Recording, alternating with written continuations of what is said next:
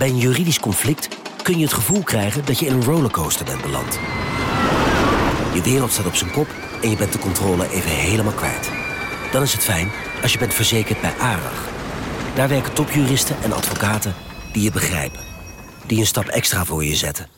En je het gevoel van controle teruggeven. Met kennis en informatie, met heldere uitleg en met gericht advies. ARAG, juridisch probleemoplossers. Hey, Lucas hier. Het zijn natuurlijk rare tijden en ook voor ons. Dat betekent dat wij onze afleveringen anders opnemen en dat wij ook ja, op een andere manier nadenken over welke afleveringen we maken. En we vinden het belangrijk om ook andere verhalen te vertellen dan over het coronavirus dat al overal is. Ehm, je kunt er hele mooie podcasts over luisteren, je kunt er veel over lezen. Maar we dachten wel, die informatie is misschien niet zo goed beschikbaar voor kinderen. En daarom willen wij kinderen de kans geven om hun vragen naar ons op te sturen.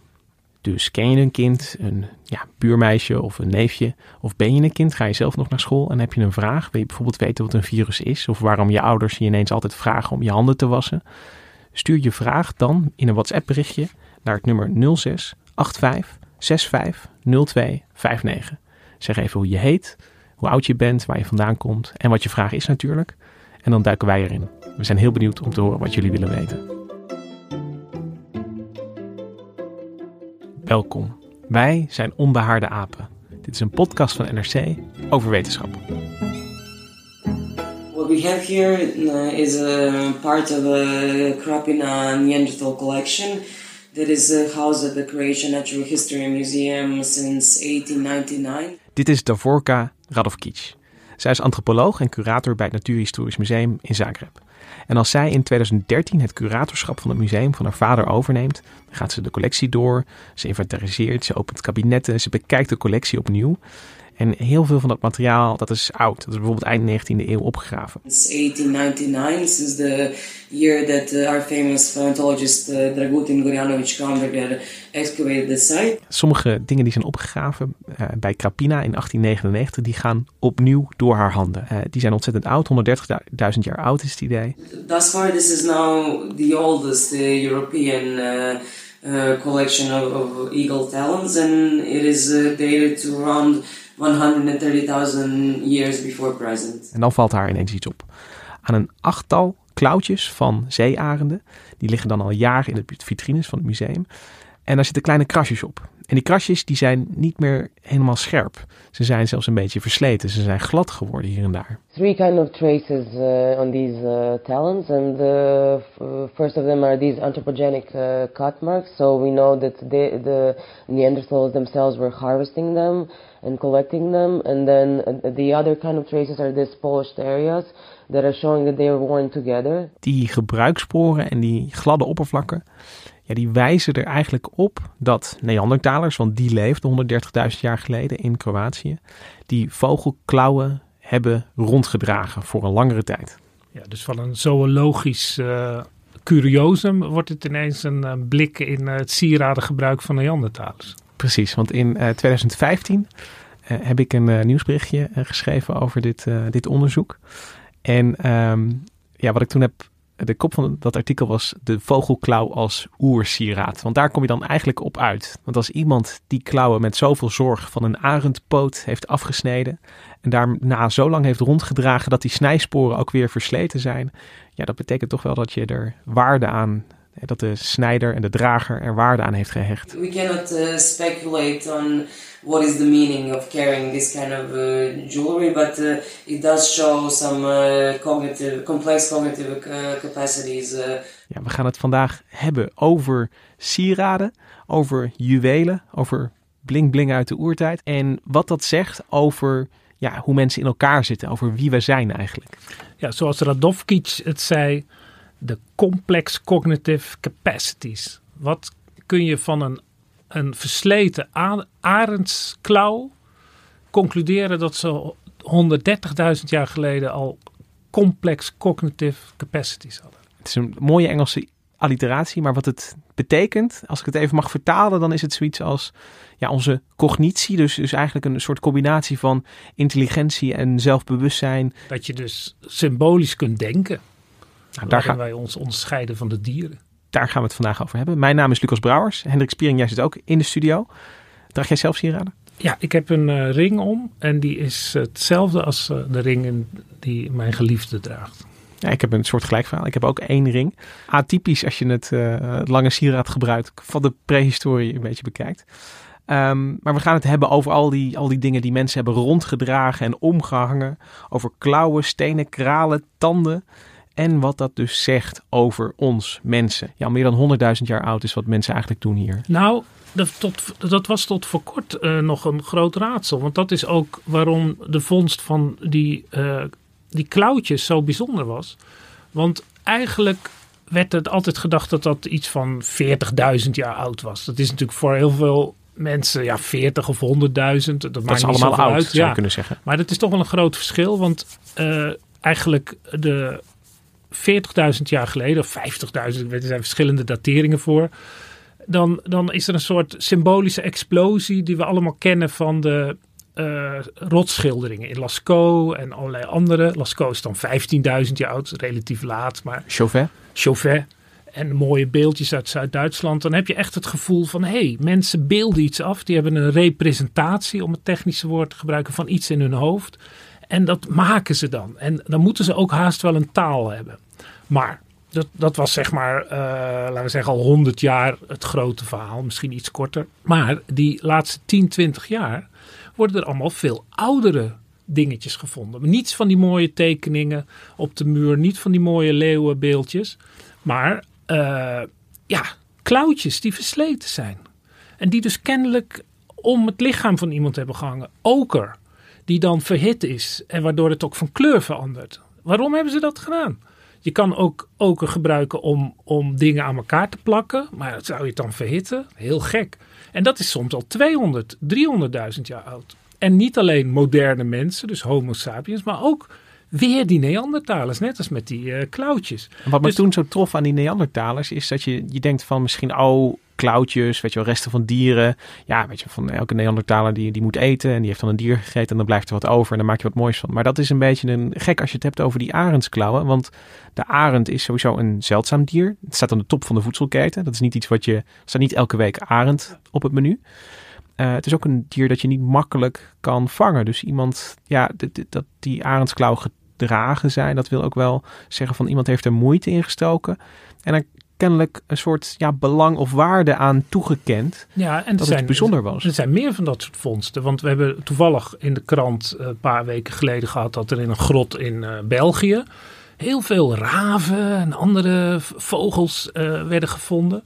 En dan ook vooral de, de vleugelbeenderen, waar, de, waar duidelijk de, de, de veren vanaf, de, de mooie grote veren van afgesneden zijn. En in 2012, dus allemaal in dezelfde eh, golf van de laatste tien jaar, eh, was in, een, in Gibraltar, in een aantal grotten ook allemaal van die, van die duidelijk veergebruik van Neandertalers. Relatief later dan, dan, wat, eh, van, dan die klauwtjes van, uit Kroatië, maar toch, het zijn duidelijk Neandertalers. En dat is dan het Neandertaalgedeelte en dat is eigenlijk aangestoken doordat daar ook begin jaren 2000, 2003 uit mijn hoofd gezegd, werden er in, in grotten in Zuid-Afrika, bewoond door moderne mensen. In de tijd dat hier in Europa de Neandertalers woonden, woonden daar al moderne mensen, Homo sapiens, van 70, soms 80.000 jaar oud. eh, stenen waarin eh, eh, duidelijk een vorm gekrast was. Ja, het is een soort hashtag-achtig teken. Eh, ja, waarom hebben ze dat gedaan? Dus als ik het even in, in zijn context neerzet, Hendrik. Die godschilderingen die, die, die beginnen in Europa vanaf die, traditioneel eh, vanaf 40.000 jaar geleden. 40.000. En dan werd ook in het verleden gezegd, nou ja, dat was echt het moment, weet je, van, van culturele inspiratie bijna, van, van dat, het, dat het symbolisch denken zo ver ontwikkeld was Ja. dat er ineens ja, abstracte voorstellingen van dieren gemaakt Een soort geboorte van de menselijke geest. Zo werd het vaak gezien. En eh, er waren zelfs theorieën dat er dus een genverandering moest zijn geweest. Dat, dat neemt eigenlijk niemand serieus. Want ja, waarom die mensen in Afrika, die maakten niet van die kunst, wel, dus moderne mensen in Afrika, hebben zij dat gen gemist? Of ja, het, het blijkt nergens uit. Ja, maar er werd veel belang gehecht en in ieder geval aan die opleving van, Ja. van, van de kunsten En eigenlijk. het is ook heel bijzonder. Er moet ook even eh, heel duidelijk zijn dat er iets heel bijzonders gebeurde. Je, als je, ik heb ook wel eens een archeoloog gehoord die zegt van ja, weet je, dit, als je dan, was er een, de belde ik hem voor een vondst van uh, uit uh, 60.000 jaar geleden of 70. En dan vind je een paar dingetjes die dan heel interessant en modern zijn, tussen aanhalingstekens. Maar hij zei ja, als je in dat laat Paleolithicum vanaf 40, dan vind je gewoon, dan weet je gewoon niet in welke zakjes je het allemaal moet stoppen, zoveel vind je. En hier vind je dan, ja, weet je, honderd schelpjes of misschien wel twintig soms. En ja, zes klauwtjes of zeven, hoeveel waren het er? Maar als je naar die rotschilderingen kijkt, zou je dus kunnen denken van dit komt uit het niets. Daar moet je iets bijzonders voor te bedenken om dat te verklaren. Maar als je goed gaat kijken, komt het niet uit het niets. Dan, dan kom je bij die kralen uit, bij die schelpjes, bij die klauwen. En dan zie je van hier zijn mensen ook al wel duidelijk bezig met ja, symbolisch denken. Met, met in ieder geval een, een, ja, hoe ze eruit zien. Met iets dat mooi is. Met uh, iets wat geen duidelijk nut heeft. In ieder geval. Ik, ik wil er toch nog een beetje tegenaan schoppen, Hendrik. Want in het ja, traditionele beeld van de oertijd, kijk maar naar de Flintstones. Dan zie je ook altijd uh, ja, toch die een beetje lompe gasten en uh, vrouwen. Zie je altijd rondlopen met een, een tandenketting bijvoorbeeld. Ik, ik, ik probeer net te betogen dat het heel ja, bijzonder is dat het, dat het symbolisch denken is. Dus ik, ik wil even wat verder in waarom. Ja, je nou. zou kunnen denken van ja, het is gewoon een tandenketting. Hoe cares? Ja, maar om, omdat natuurlijk, uh, als je een, sim, een, de klassieke verklaring is, uh, je moet dan herkennen dat het een symbool is. Kijk, die ring die ik aan heb, uh, iedereen ziet op de hele wereld dat het een ring is en dat het dus iets zal betekenen. Zo wordt het onmiddellijk. Wat het dan betekent, dat is dan nog, ben je getrouwd, verloofd of is het wat anders? Dat er is iets aan de hand. En dat wordt dan, dat zou dan een heel abstract beeld op, op, op, oproepen. En dat is ook de revolutie van die kraaltjes in Zuid-Afrika. De mensen die die hebben gevonden, die, uh, dat is een, uh, Franse Italiaan uh, Derrico en een Zuid-Afrikaanse Brit Henshelwood. Die maken daar een enorm nummer van. En misschien ook wel terecht. Van zie je nou wel, dat is. Hier zien we al dat de mens rationeel, symbolisch, zoals wij een een, een, taal hebben. Ze moeten een taal hebben gehad. Anders kan je, kan je dit eigenlijk niet maken. En zo werd dat nu ook bij de Neandertaler pootjes gedaan. De man die dat mede met, uh, met die, uh, hoe heet ze ook weer, uh, Radovkic gevonden heeft, of onderzocht heeft verder. Dat is een Amerikaan, David Freyer, echt een, een van de vele grote Neandertaalonderzoekers. Ja, rehabilitatie van de brute Neandertaler, een van de vele elementen daarin. When the first Neanderthal was found, it was identified as being the other, something not human.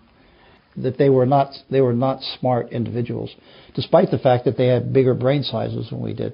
So the perception of Neanderthals as being dumb was was something that's long lasting in the literature from the first moment that they were found all the way up until really just recently. And still a lot of people think of Neanderthals as being stupid. If you call somebody a Neanderthal, call me a Neanderthal, it's fine. But if you call someone else a Neanderthal, they don't necessarily take it as a, as a compliment. Ja, Freyer maakt hier het punt dat Neandertalers, dat dat beeld van de Neandertalers als de domme, lompe bruut, als de hork die ja, geen manieren heeft en, en uh, ja, vooral vlees eet en uh, verder een simpel wezen is, dat we toch dat echt moeten bijstellen. En ja, die vogelklauwen, waar we het nu al de hele tijd over hebben, die spelen ook een, een belangrijke rol in dat ja, denken van, van Freyer over dat, het, het nuanceren van dat beeld, van het, het complexer maken van de Neandertaler eigenlijk. But um, the more we have learned about Neanderthals in the last 20 years, the more they're human-like in their abilities. And this find just adds to that. Um, almost for sure they were in a bracelet or a necklace because of the, the wear that's on them. And um, if this was found in any other context, everybody would say, aha, this is a, perfect sign of them having cognition and, and even religious things like we do. Um, because it is the most powerful bird that's in the environment. Freire eigenlijk zegt is dat dat beeld ook de archeologie heeft geraakt. Eigenlijk dat als deze adelaarsklauwen ja, 30.000 jaar oud zouden zijn, dan was het onomstotelijk geweest. Dan hadden mensen gezegd van ja, zie je wel, deze mensen vonden deze arend heel interessant en krachtig en dat wilden ze ook uitstralen. En hij wijst er eigenlijk op van, van ja, dat, dat het door Neandertalers gemaakt is. Dat, uh, dat is contra-intuïtief en, en daarom is het misschien niet zo snel herkend. Waarom is dat? Omdat wij dit gesprek tussen twee homo sapiens uh, houden. En Neandertalers die zwijgen. We kennen geen Neandertalers meer. Dus we moeten heel moeilijk reconstrueren van ja, waren ze nou hetzelfde als ons? Met dat enorme brein ook van ze, zoals, zoals ook wordt gezegd. Neandertalers hadden een groter ja, brein dan Ja, dat, dat zei Freyer ook nog. Ja. Als je dus die schelpjes vindt in die, in die grotten van modern mensen, want daar liggen dan modern menselijke botten bij. Dan denk je, ja, dat, dat moet toch haast. Waarom zouden ze het anders? En er is dus ook een enorme speurtocht naar wanneer begint dat symbolische denken eigenlijk bij de mens. Want dat je dat hebt als je die rotstekeningen van Lascaux of uh, Chauvet maakt, of zo'n leeuwenbeeldje, dat lijkt wel duidelijk. Dat is een duidelijke representatie daarvan. Maar je hebt het over, over, symbolisch denken. En ik, ik wil nog heel even verder over wat dat precies is, symbolisch denken. Is, het, is symbolisch denken dat je hè, uh, dat iets staat voor iets anders? Ja, Bedoel dat, dat is de kern. Dat het iets staat voor iets wat er niet is. Dus uh, die, die, die klauwtjes, dat zijn niet uh, gewoon klauwtjes die je mooi vindt. Nee, dat is een symbool van kracht. Van een abstracter, hoger begrip. Of een symbool van macht. Een, een, een, een kroon, een kerstboom.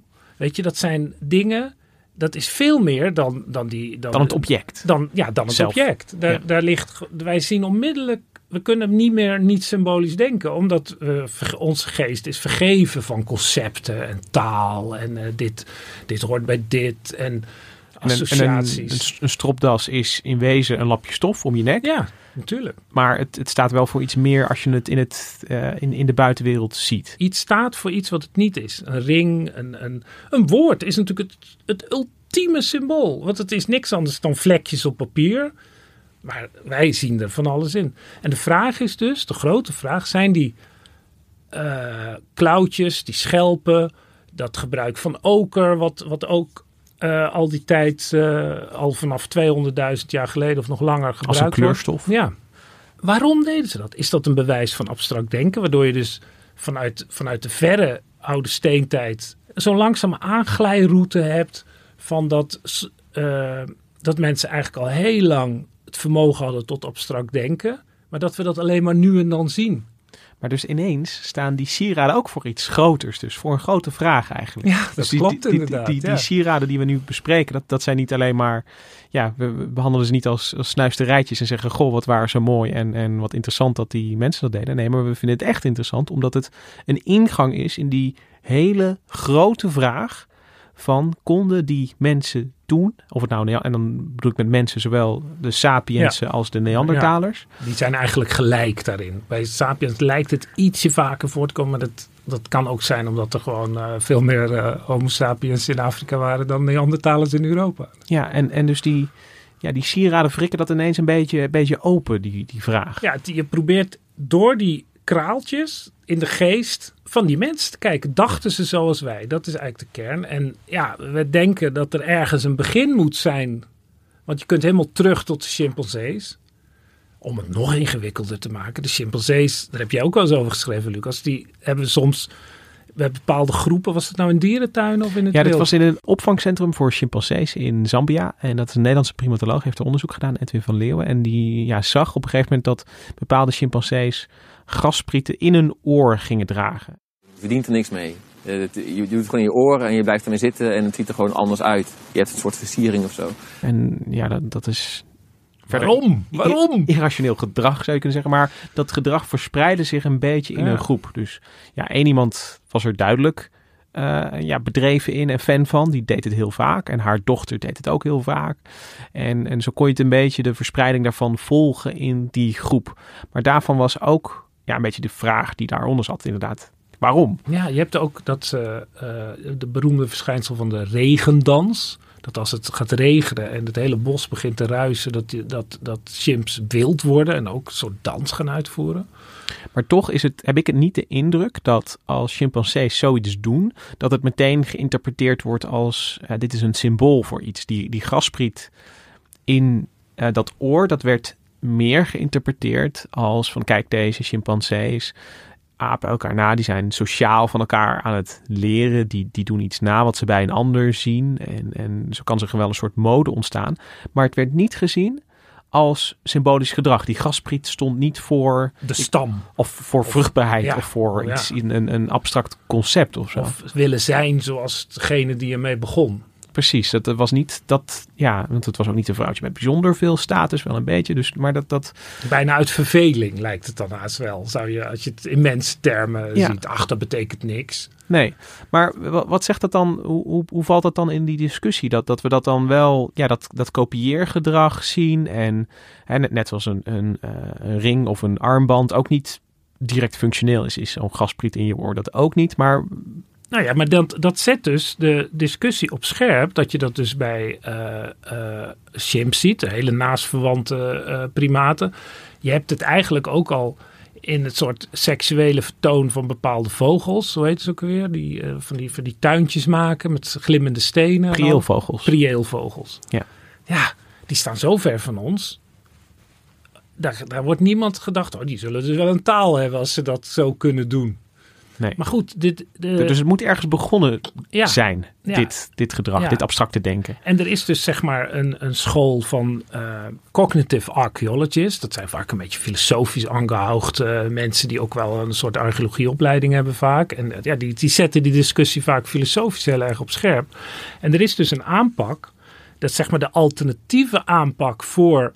eh, eh, als, als je dus zo'n zo'n eh, arendklauwtje of zo'n zo'n duidelijk een, een eh, gebruik van schelpen als kralen. Waarom zou je dat doen?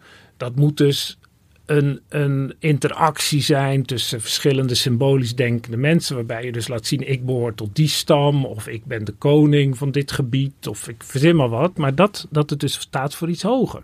Er is een alternatief voor. En die, die heet, dat is dan ja, een beetje postmodern. Maar als je het helemaal ontrafelt, is het echt wel een zinvolle naam. Dat is de Radical, Embodied and Enactive Cognitive Science. En Ik, het- ik, ik weet niet direct waar deze Nee. woordvolgorde voor staat. Nee, maar het cruciale is embodied. En dat radical is natuurlijk een beetje om het aan te zetten. Eh, dat embodied is dus eigenlijk dat je het zo concreet mogelijk moet opvatten. Ik heb hier van een, eh, een van die mensen die daar heel veel over schrijft. Die heeft, dat is een Italiaan, eh, Garofoli. Even zijn voornaam heb ik hier niet. Die heeft allerlei artikelen geschreven en die beschrijft dus ook van ja, oké. Je hebt zeg maar die veren. Hij gaat, dat, dit stuk van hem ging helemaal over die veren van de Neandertalers. Dat zou dan ook het, ja, dan bewijst toch dat ze abstract konden denken. Waarom zou je anders ve- veren kunnen doen? En die veren werden dan gedragen. Of. Gedragen, ja, dat, dat, dat, dat ontkent ook eigenlijk niemand dat die veren gedragen werden. Want ja, waarom? Dat, dat, dat feit is het feit wat verklaard moet worden. Vanuit een soort geestelijke instelling. En die Garofoli die beschrijft dan echt als een soort verhaal van ja.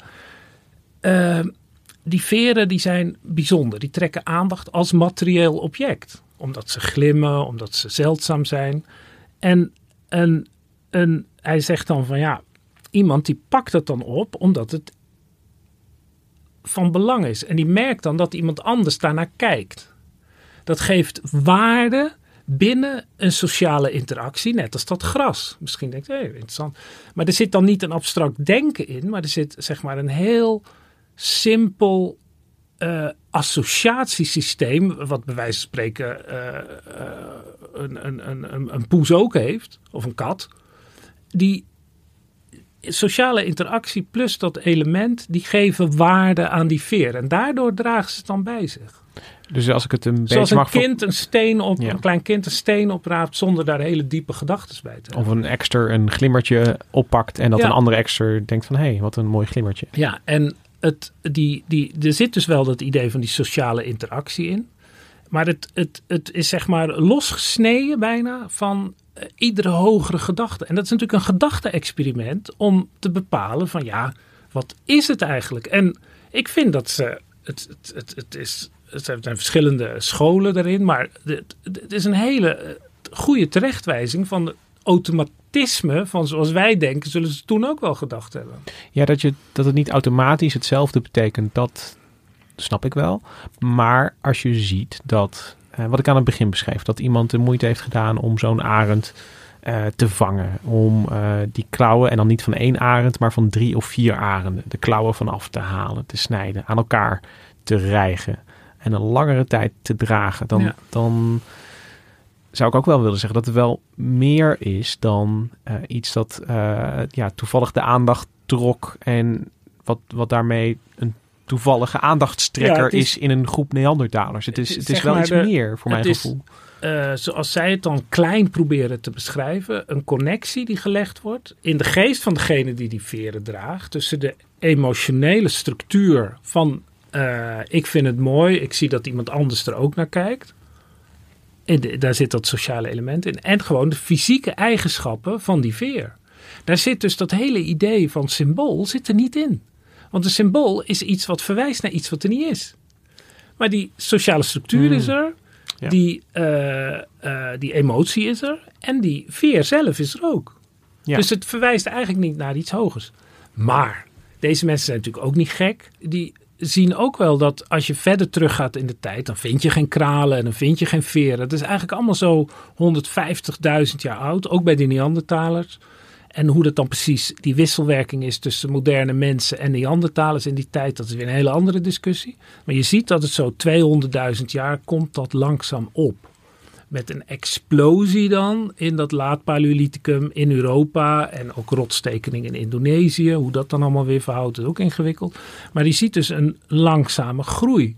En de vraag is, waar leg je de lijn? Wanneer gaan ze abstract denken? Wat, wat dus die Garofoli, en er zijn ook anderen die dat zeggen, die zeggen ja, dat je hebt een soort begin vanuit die emotionele connectie met die veer en dat blik van de ander kan langzaam een soort hoger abstractievorm vinden. Dat je dus die klauwtjes ook voor kracht gaat zien. De kracht van die vogel. Maar dat zijn hele grote stappen die in werkelijkheid met hele kleine stapjes zijn gezet. Dat is niet van de ene dag op de ander. Nee, natuurlijk En niet. de- Maar, maar dat, dat, dat je die, die klauwen vindt, ik, ik, ik zou dat al best wel een.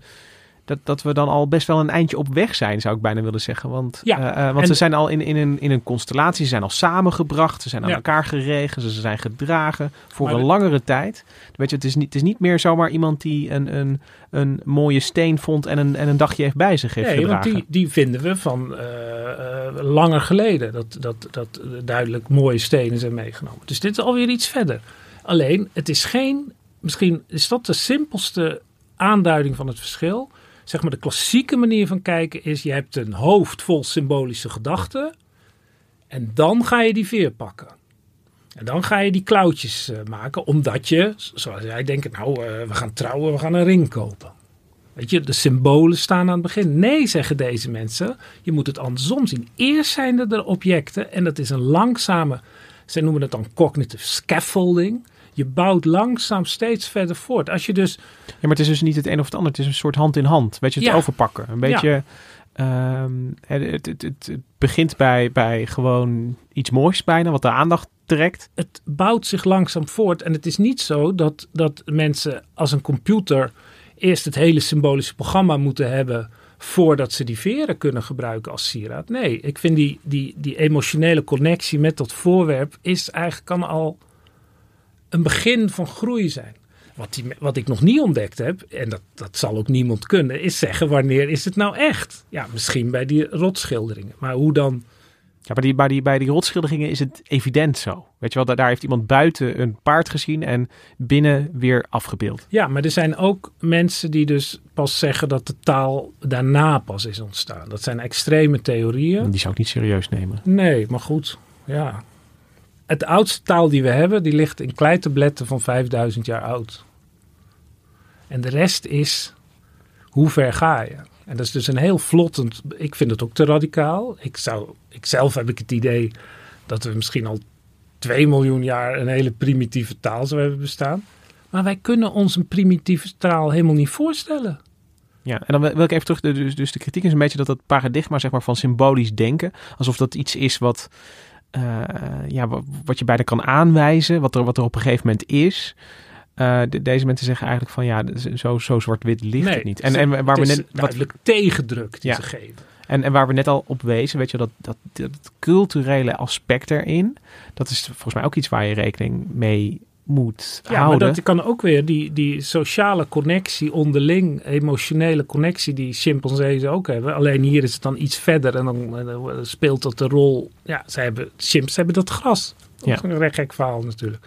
Alleen, er is, wat je in de praktijk ziet, is dat je een paar extreme interpretaties hebt.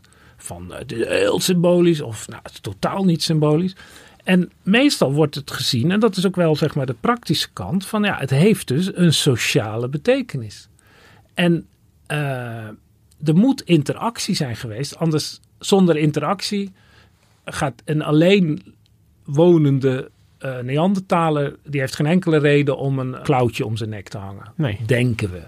Maar dat lijkt wel aannemelijk. Misschien Ja. komt daar ook weer tegen, druk tegen. Maar dus het, het sociale proces, dat het dus dan niet symbool is, maar wel een rol speelt in de sociale interactie als dingen van waarde, dat lijkt wel vrij aannemelijk.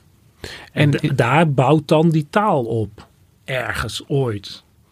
Ja, het, het, het lastige is dat alles door elkaar heen fietst hier, heb ik het gevoel. Weet je, je hebt die, je hebt die taal die eronder ligt als een grote vraag. Dat, dat, dat abstracte denken, wat we ja, denken te kunnen definiëren, Ja. maar wat, wat in, in de. En nu het zo een beetje eh, eh, in gedachten ronddraaien. Ook wel be- best wel glibberig, glibberig lijkt. Glibberig is het woord. Glibberig. Glibberig.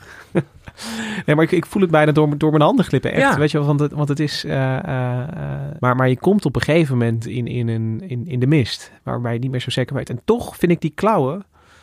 Ik, ik blijf erbij dat ik dat... dat toch een... een ik, ik, ik, ik, ik, wil ze niet van tafel gooien. Ik, Nee, ik, ik vind het wel echt, echt wel meer dan, dan alleen...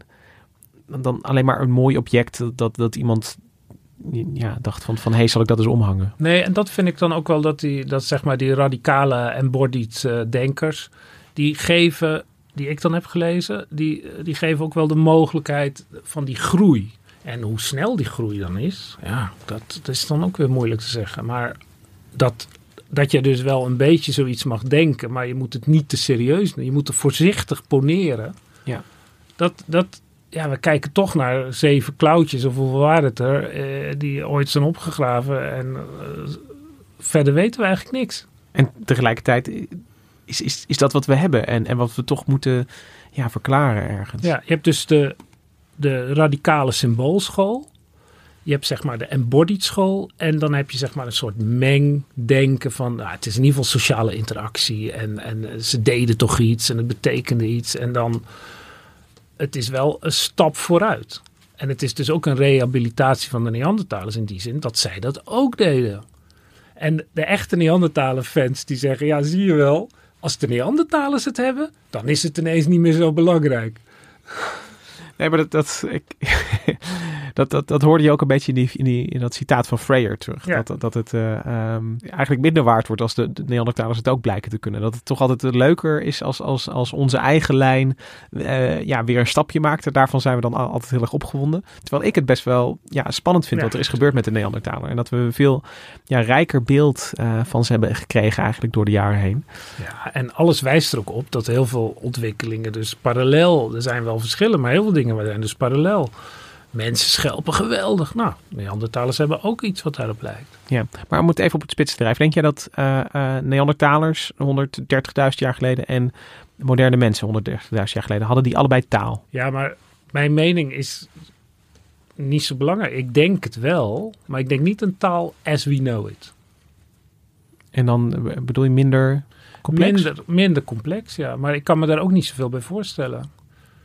Want ik kan me ook niet het, het, het runaway effect van een full swing eh, taal met, met, met mogelijkheid voor een oneindig aantal woorden, eh, oneindige complexiteit van embedding van zinnen in zinnen in zinnen.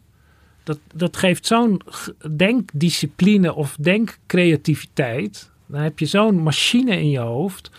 Ja, dan vraag ik me af waarom het zo lang geduurd heeft voor de iPhone uitgevonden werd. Ja, maar ik denk dan ook dat het een cultureel proces is. Dat, dat, dat, we dat, ook een, dat je daar ook rekening mee moet houden. Van, van de- ja, ook al zijn al de woorden die we misschien, misschien een paar niet, die we in deze podcast gebruikt hebben, eh, waren 30 jaar geleden ook prima woorden. Of 100 jaar geleden ook prima woorden. Maar toch zou het heel moeilijk zijn geweest voor iemand ja, die toen geleefd heeft om deze podcast te volgen. Met, met wel al die ideeën die er al onder liggen weer. Dus, dus, dus weet je, dat, dat, dat, dat, die culturele ontwikkeling, die, die moet toen ook hebben gespeeld. Er schiet me nou eigenlijk het allerleukste argument van deze hele discussie binnen.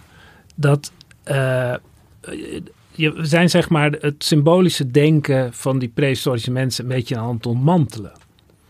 En het, het veronderstelde symbolische denken. En vervolgens kan je ook naar onszelf kijken. Zoals Frans de Waal naar mensen kijkt ook. Die ziet vooral sociale processen en al die, al die taal vindt hij eigenlijk helemaal niet zo belangrijk. Hoe vaak gebruiken wij eigenlijk hele diepe embedded zinnen met onze hele machine van de taal erachter en het logische denken? Ja, op een gemiddelde dag niet zo heel veel. Nee, nee dus, en dat, het begint met het ontmantelen van prehistorische dingen. Tot je dan ineens denkt, en dat is dus ook echt een actief argument in die discussie. Van ja, als, als, als zo'n geleerde cognitieve archeoloog dat stuk zit te schrijven, is hij natuurlijk heel symbolisch bezig. Maar hij beschrijft dan ook dat, ja, wat doen gewone mensen of de, de archeoloog zelf met al die diepe gedachten als die een pak melk inschenkt, weet je? Ja, en dan brengt me dan toch weer terug naar die ring. Want als ik daaraan denk van, uh, ik zit er vaak mee te spelen, dan draai ik een beetje rond. Uh, maar dan, dan laat ik echt niet het hele instituut uh, huwelijk aan me voor, voorbij trekken bijvoorbeeld. Of weet je, ik, ik, hoor hem ineens omdat ik ja, tegen het raam tik per Dat is een mee. van de handigste dingen van de ring. maar dan, dat betekent niet dat, dat ja, dit sieraad om mijn vingers voortdurend een hele diepe symbolische betekenis voor mij Het is ook geen woord, ook voor ons niet. Een kerstboom is ook gewoon een kerstboom. Het is een boom. Ja. Het, het, het zijn geen woorden. Dingen zijn geen woorden. Dat is eigenlijk de. Uh, en wat is nou belangrijk in ons leven? Is dat, zijn dat de dingen, of de mensen, of de woorden? Oké, terug naar de arendsklauwen. Dit in, was de psycholoog. Uh, ja, in, in de Kroatische god. Die zijn ook tegelijkertijd dus, dus heel belangrijk. Voor, in ieder geval voor ons denken over Neandertalers. Ja.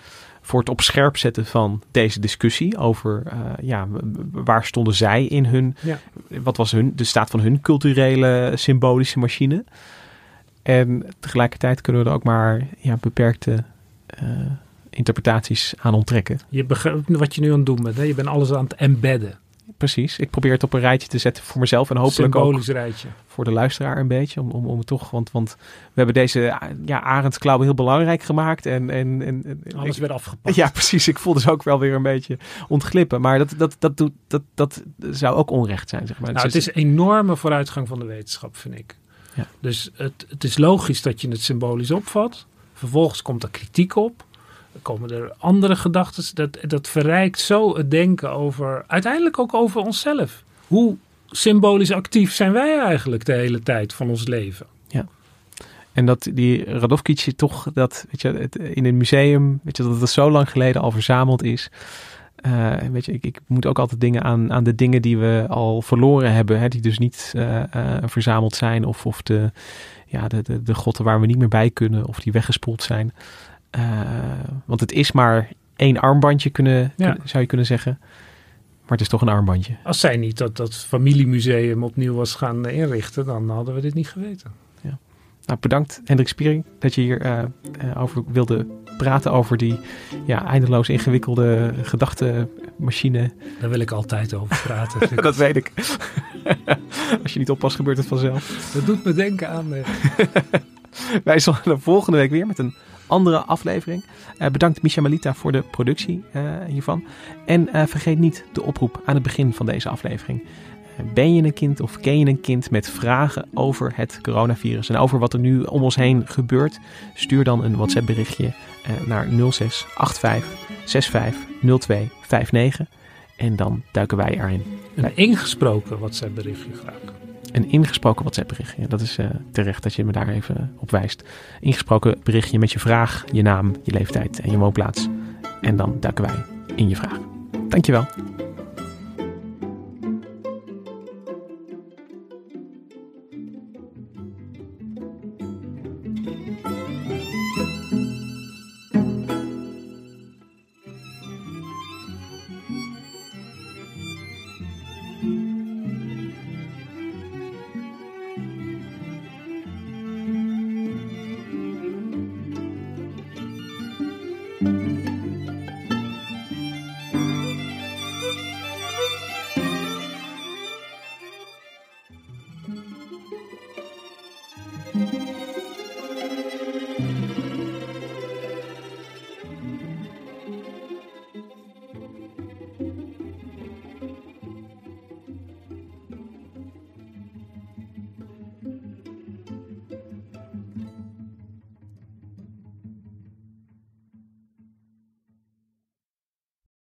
De financiële markten zijn veranderd, maar de toekomst, die staat vast.